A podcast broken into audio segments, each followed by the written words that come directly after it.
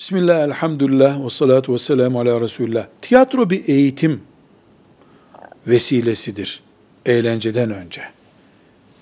Tiyatroyu İslam adına eğitim için kullanabiliriz. Bir sakıncası yok. Ama özellikle peygamberler, ashab-ı kiram, melekler gibi bizim için değerli isimler tiyatro konusu olmayacak.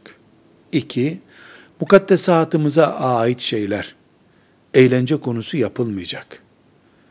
Mukaddesat yerinde tutacağımız gaybi konular seviyesi düşürülerek, mesela ahirete iman konusu seviyesiz bir şekilde canlandırılmayacak. Ve üçüncü olarak da yalan, gıybet, iftira, müminlerin onurunu kırma, bir mümini rencide etme gibi ayrıntılar ihtiva etmeyecek.